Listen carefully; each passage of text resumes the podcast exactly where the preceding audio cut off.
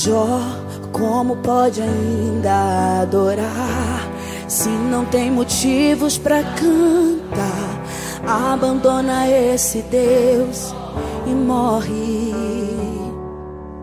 Mas não adoro pelo que ele faz, nem menos por bens materiais. Eu adoro pelo que ele é, eu sou dele, tudo é dele. Você não tem motivos, perdeu seus bens, seus filhos, seus amigos. O que você vai fazer? Eu vou adorar, simplesmente adorar. Eu vou adorar.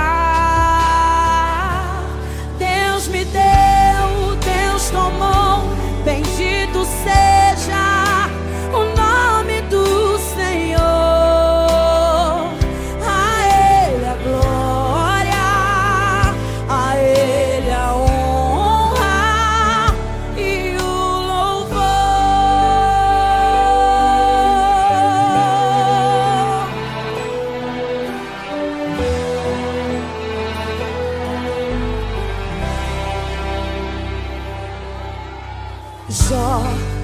Pode ainda adorar se não tem motivos para cantar. Abandona esse Deus e morre. Mas não adoro pelo que ele faz, nem menos por bens materiais. Eu adoro pelo que ele é, eu sou dele, tudo é dele. Você não tem motivos. Perdeu seus bens, seus filhos, seus amigos. O que você vai fazer? Eu vou adorar. Simplesmente adorar. Eu vou adorar.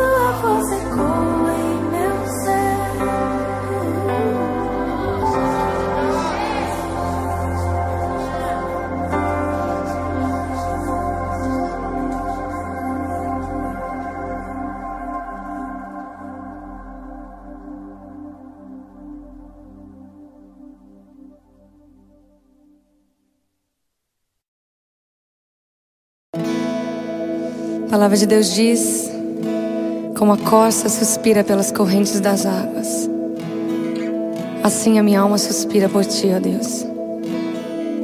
Minha alma tem sede de Deus, do Deus vivo. Quando irei, quando me verei perante a sua face. As minhas lágrimas têm sido meu alimento de dia e de noite. Enquanto as pessoas que estão ao meu redor me perguntam onde é que está o seu Deus. Mas eu me lembro dessas coisas. De quando eu saía em procissão à casa do meu Deus, multidão em festa. E eu pergunto a mim mesmo: por que você está batida, minha alma, e por que você se perturba dentro de mim? Espera em Deus, pois eu ainda o louvarei a Ele, meu auxílio e Deus meu. Esta canção nos fala sobre isso, desse momento de crise que todo cristão vive essa guerra entre a alma e o espírito, a sede, a fome pela presença de Deus e ao mesmo tempo esse desespero de alma pedindo ao Senhor por socorro. Mas hoje nós queremos dizer para você que o segredo está no espera em Deus, pois eu ainda louvarei a Ele, meu auxílio e Deus meu. Aquieta minha alma Faz meu coração ouvir tua voz.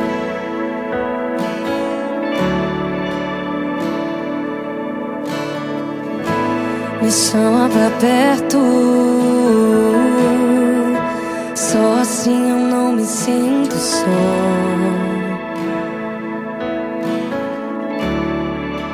Oh, oh,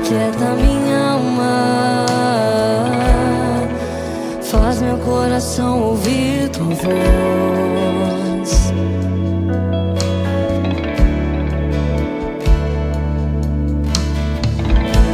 Me chama pra perto. Só assim eu não me sinto só.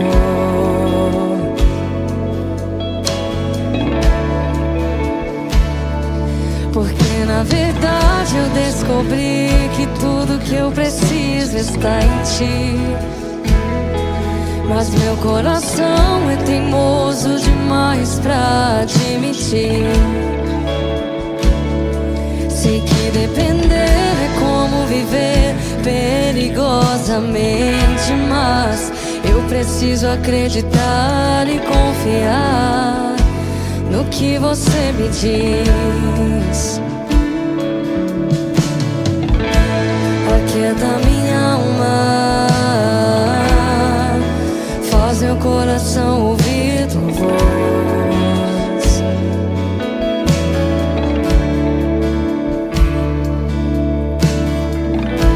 Me chama pra perto, só assim eu não me sinto só.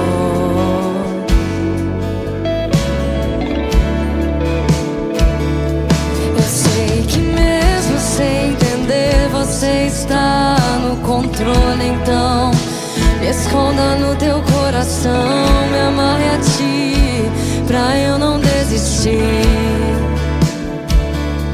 Eu não quero mais fugir da tua vontade pra mim. Eu sei que vai ser difícil, mas você estará sempre comigo.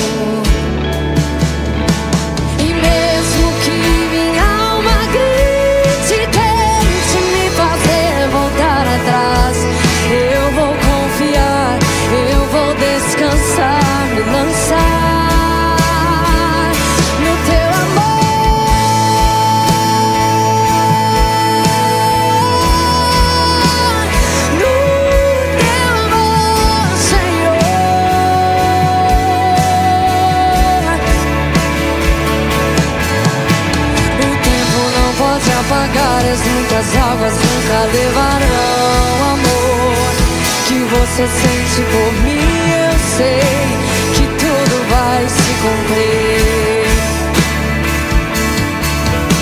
O tempo não pode apagar as muitas águas nunca levarão amor que você sente por mim, eu sei que tudo vai se cumprir.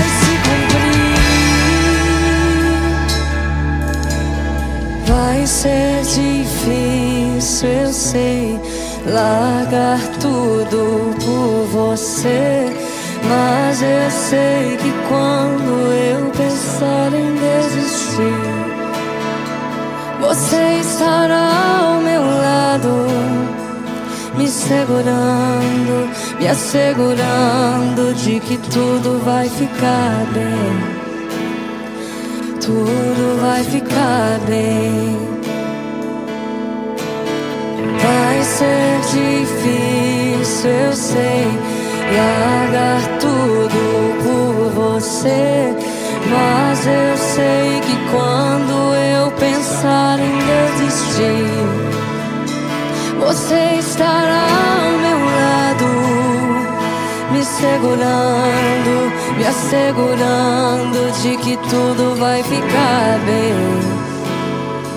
Tudo vai ser difícil, eu sei. Vai ser difícil, eu sei. Largar tudo por você. Mas eu sei que quando eu pensar em desistir, você estará ao meu lado me segurando, me assegurando de que tudo vai ficar bem. Tudo vai ficar bem. E se eu cair, a tua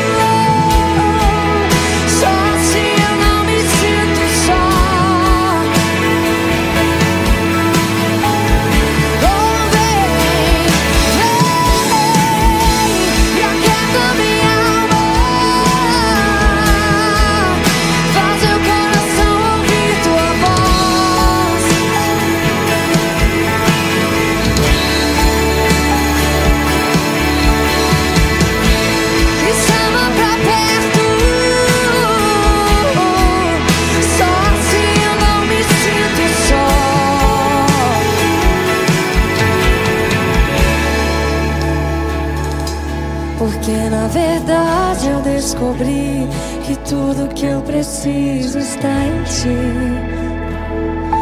Mas meu coração é teimoso demais pra admitir. Sei que depender é como viver perigosamente, mas eu preciso acreditar e confiar no que você me diz.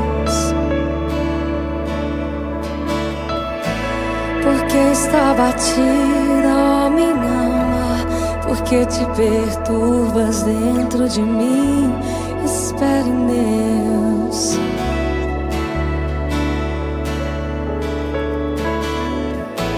Porque está batida, ó minha alma, porque te perturbas dentro de mim. Espere em Deus.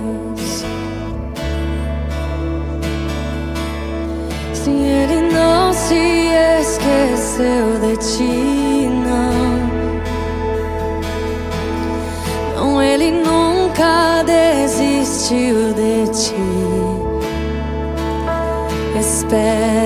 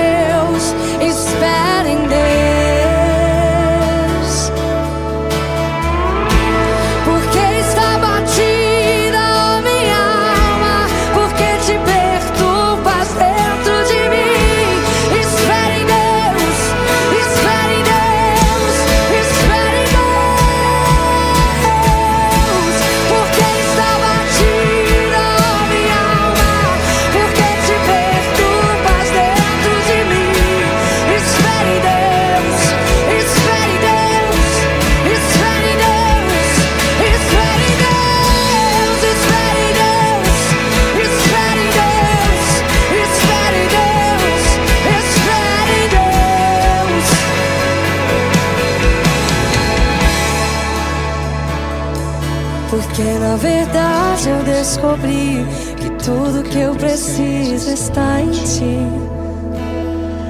Mas meu coração é teimoso demais pra admitir. Sei que depender é como viver perigosamente, mas eu preciso acreditar e confiar no que você me diz.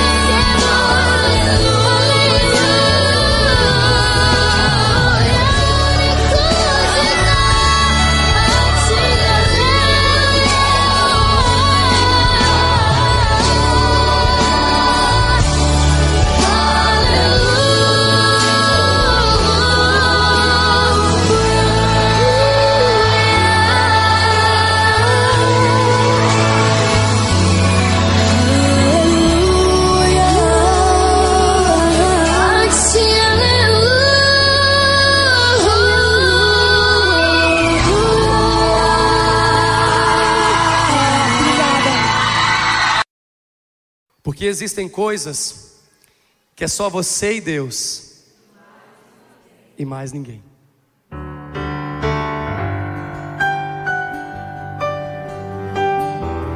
Sinto o Espírito Santo te abraçando nessa noite.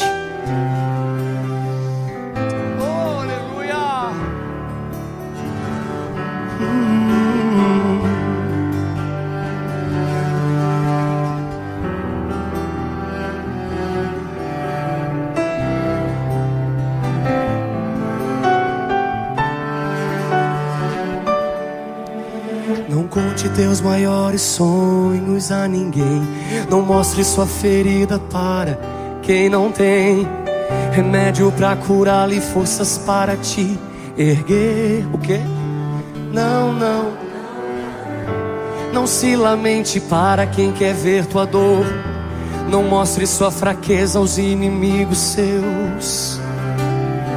Mostre só para Deus não chore para quem não sabe decifrar a lágrima de sofrimento em teu olhar. Existe um lugar que é próprio para isso. É você e Deus, é no altar. Quando eu contei os meus sonhos para alguém, me disseram são grandes demais para você. Quando falei onde queria chegar, me disseram pare por aqui, não vale.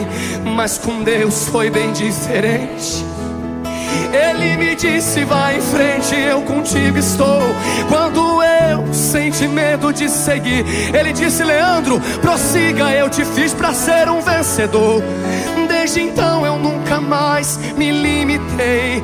Eu guardei no coração as palavras de Deus. Descobri que os planos dele para mim são muito maiores que os meus. E agora? Eu vou chorar pra Deus, vou contar tudo pra Deus. Vou fechar a porta do meu quarto e ficar a sós. Só Ele e eu. Eu vou mostrar pra Deus todos os sonhos meus. Tudo em seu altar eu entregarei. A partir de hoje é Deus e eu, e mais ninguém. Lugar de rasgar alma é na presença de Deus. Não desabafa no Facebook, não. Faz o que Mateus 6 e 6 diz: entra no quarto, fecha a porta e conta tudo para Ele. Conta em segredo, porque publicamente Ele vai te honrar.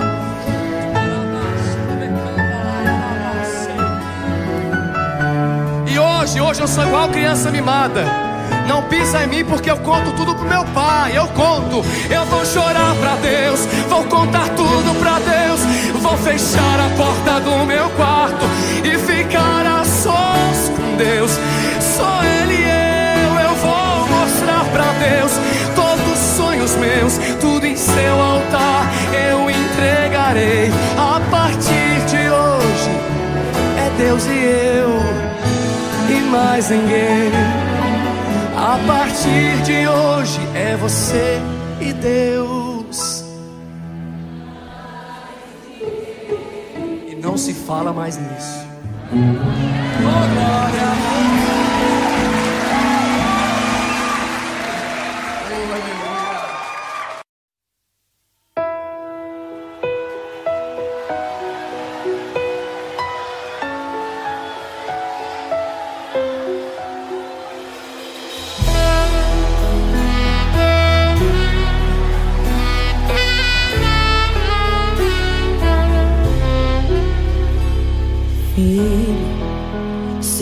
Intimidade comigo não há como você vencer. Sem dobrar os seus joelhos e na madrugada me buscar. Sem examinar as escrituras, não há como descobrir os segredos que tenho para você. Mas sondei seu coração e vi desejo de adorar. Foi pensando então que decidi me revelar mostrar alguns segredos para uma vida de vitória e de conquista. Escuta o que eu vou lhe dizer, filho. Enquanto eu for sua prioridade, pode vir o que vier. Pode também contar comigo, seja lá para o que for. Mil cairão ao seu lado e dez mil à sua direita, mas você não será atingido, verá livramento. Sou eu o seu Deus.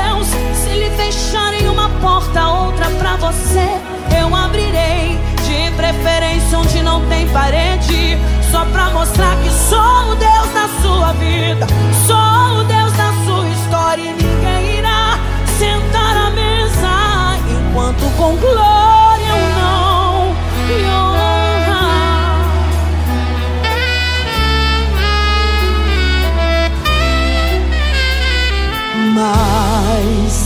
sondei o seu coração e vi desejo de adorar.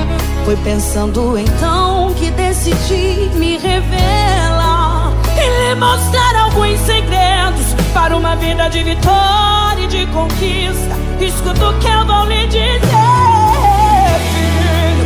Enquanto eu for sua prioridade, pode vir o que vier. Pode também contar comigo, seja lá para o que for. Cairão ao seu lado e dez mil à sua direita. Mas você não será atingido, verá livramento. Sou eu o seu Deus. Se lhe fecharem uma porta, outra pra você, eu abrirei. De preferência onde não tem parede. Só pra mostrar que sou o Deus da sua vida.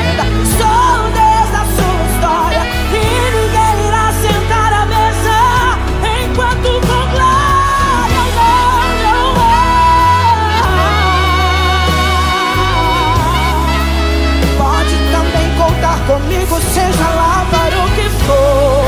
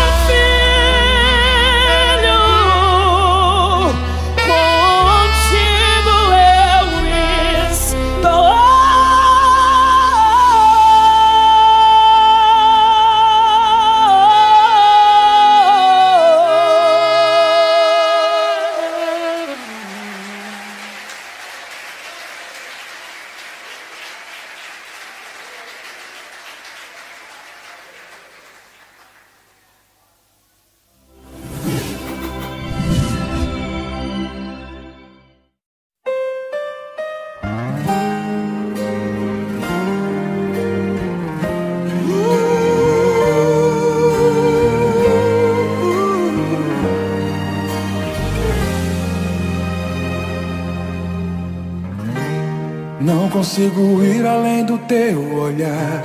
Tudo que eu consigo é imaginar a riqueza que existe dentro de você.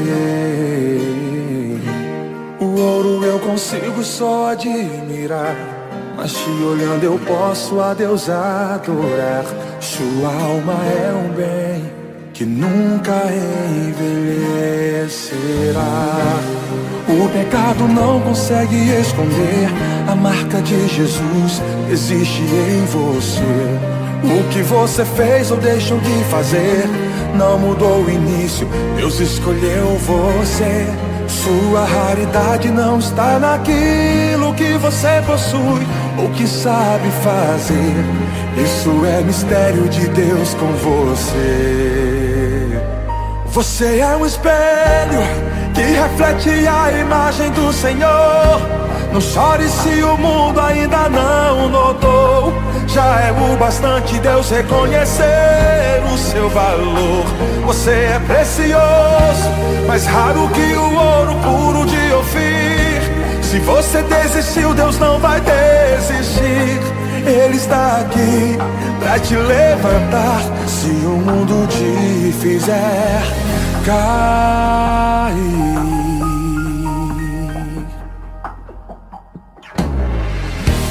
O ouro eu consigo só admirar. Mas te olhando eu posso a Deus adorar. Sua alma é um bem que nunca envelhecerá. O pecado não consegue esconder a marca de Jesus existe em você. O que você fez ou deixou de fazer não mudou o início. Deus escolheu você. Sua raridade não está naquilo que você possui ou que sabe fazer. Isso é mistério de Deus com você. Você é um espelho que reflete a imagem do Senhor. Não chore se o mundo ainda não notou. É o bastante Deus reconhecer o seu valor. Você é precioso, mais raro que o ouro puro de ouvir. Se você desistiu, Deus não vai desistir.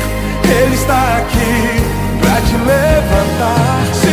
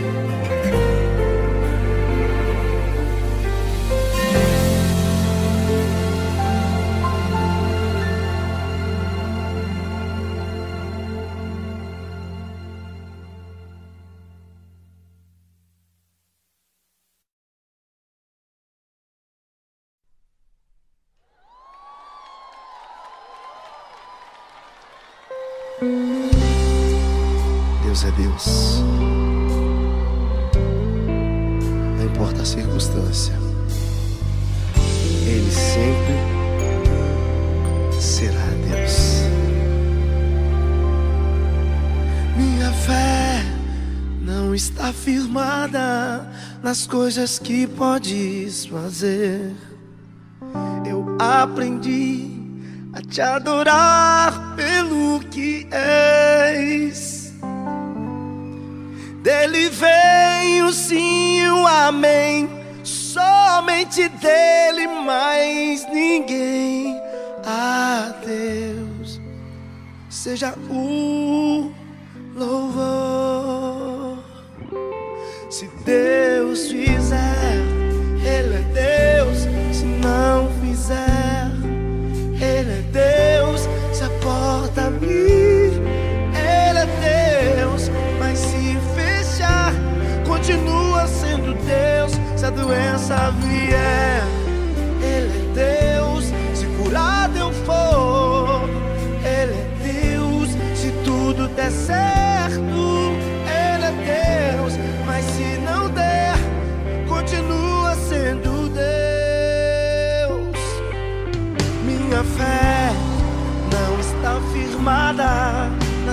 coisas que podes fazer. Eu aprendi a te adorar.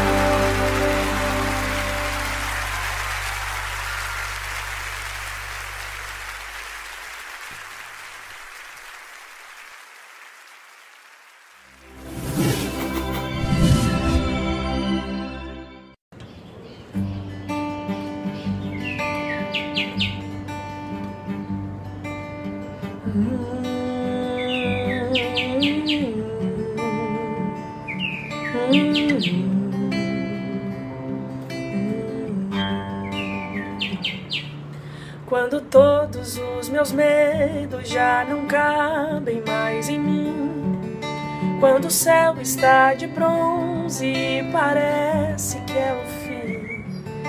Quando o vento está revolto e o mar não quer se acalmar.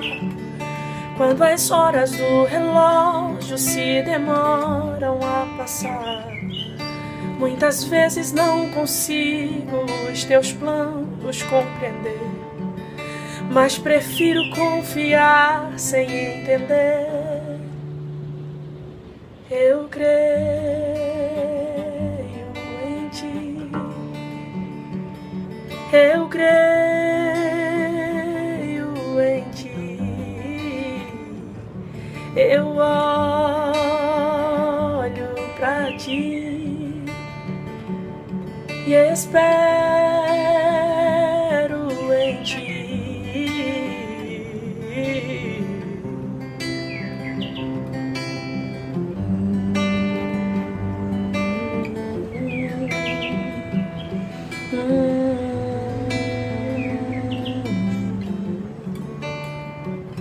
assim: Quando você sente medo do teu lado, eu estou. E é bom que você saiba que eu sinto a tua dor.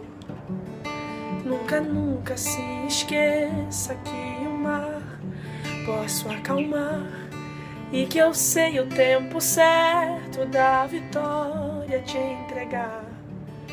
Este tempo é necessário para te amadurecer. E depois tem novidade pra você. Eu cuido de ti. Eu cuido de ti. Descansa em mim. Comece a sorrir.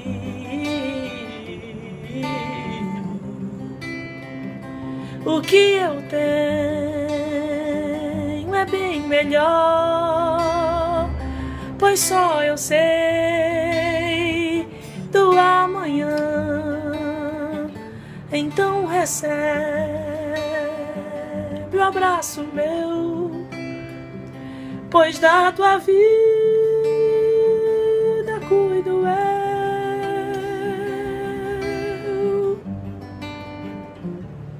Eu cuido de ti. Eu cuido de ti. Descansa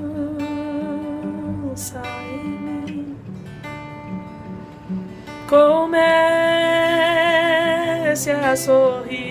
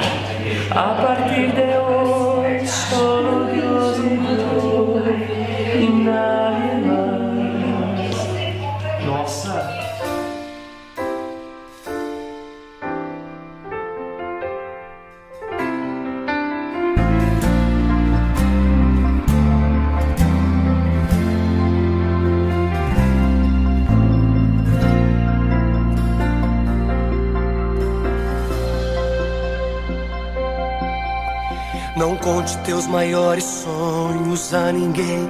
Não mostre sua ferida para quem não tem. Remédio pra curá-la e forças para te erguer. Não, não, não, não. Não se lamente para quem quer ver tua dor. Não mostre sua fraqueza aos inimigos seus. Mostre só pra Deus. Não chore para quem não sabe decifrar a lágrima de sofrimento em teu olhar. Existe um lugar que é próprio para isso. É você e Deus, é no altar. Quando contei os meus sonhos para alguém, me disseram são grandes demais para você. Quando falei onde queria chegar, me disseram pare por aqui não valem. Mas com Deus foi bem diferente. Ele me disse vá em frente, eu contigo estou. Quando eu senti medo de seguir, disse prossiga, eu te fiz pra ser um vencedor. Desde então eu nunca mais me limitei. Guardei no coração as palavras de Deus. Descobri que os planos dele para mim são muito maiores que os meus. Eu vou chorar pra Deus, vou contar tudo pra Deus. Vou fechar a porta do meu quarto e ficar a sós com Deus. Só Ele e eu. Eu vou mostrar pra Deus todos os sonhos meus. Tudo em seu altar eu entregarei. A partir de hoje é Deus e eu e mais ninguém. Cuentes tus mayores sueños a nadie. No muestres tus heridas para quien no tiene remedio para curarte y fuerzas para levantarte. No, no, no, no. No te lamentes para quien quiera ver tu dolor. No te muestres débil a tus enemigos. Muéstrale a Dios. No, descifrar la lágrima de sufrimiento en tu mirar. Existe un lugar que es propio para eso. Eres tú y Dios en el altar. Cuando conté mis sueños para alguien, me dijeron son grandes de más para ti. Cuando hablé donde quería llegar, me dijeron que no vaya más allá. Pero con Dios fue muy diferente. Dijo sigue porque contigo yo estoy. Cuando tuve miedo a seguir, dijo que siga porque me hizo para ser vencedor. Fue entonces que jamás me limité. Guardé en mi corazón las palabras de Dios. Descubrí que sus planes para mí son mucho mayores que los míos.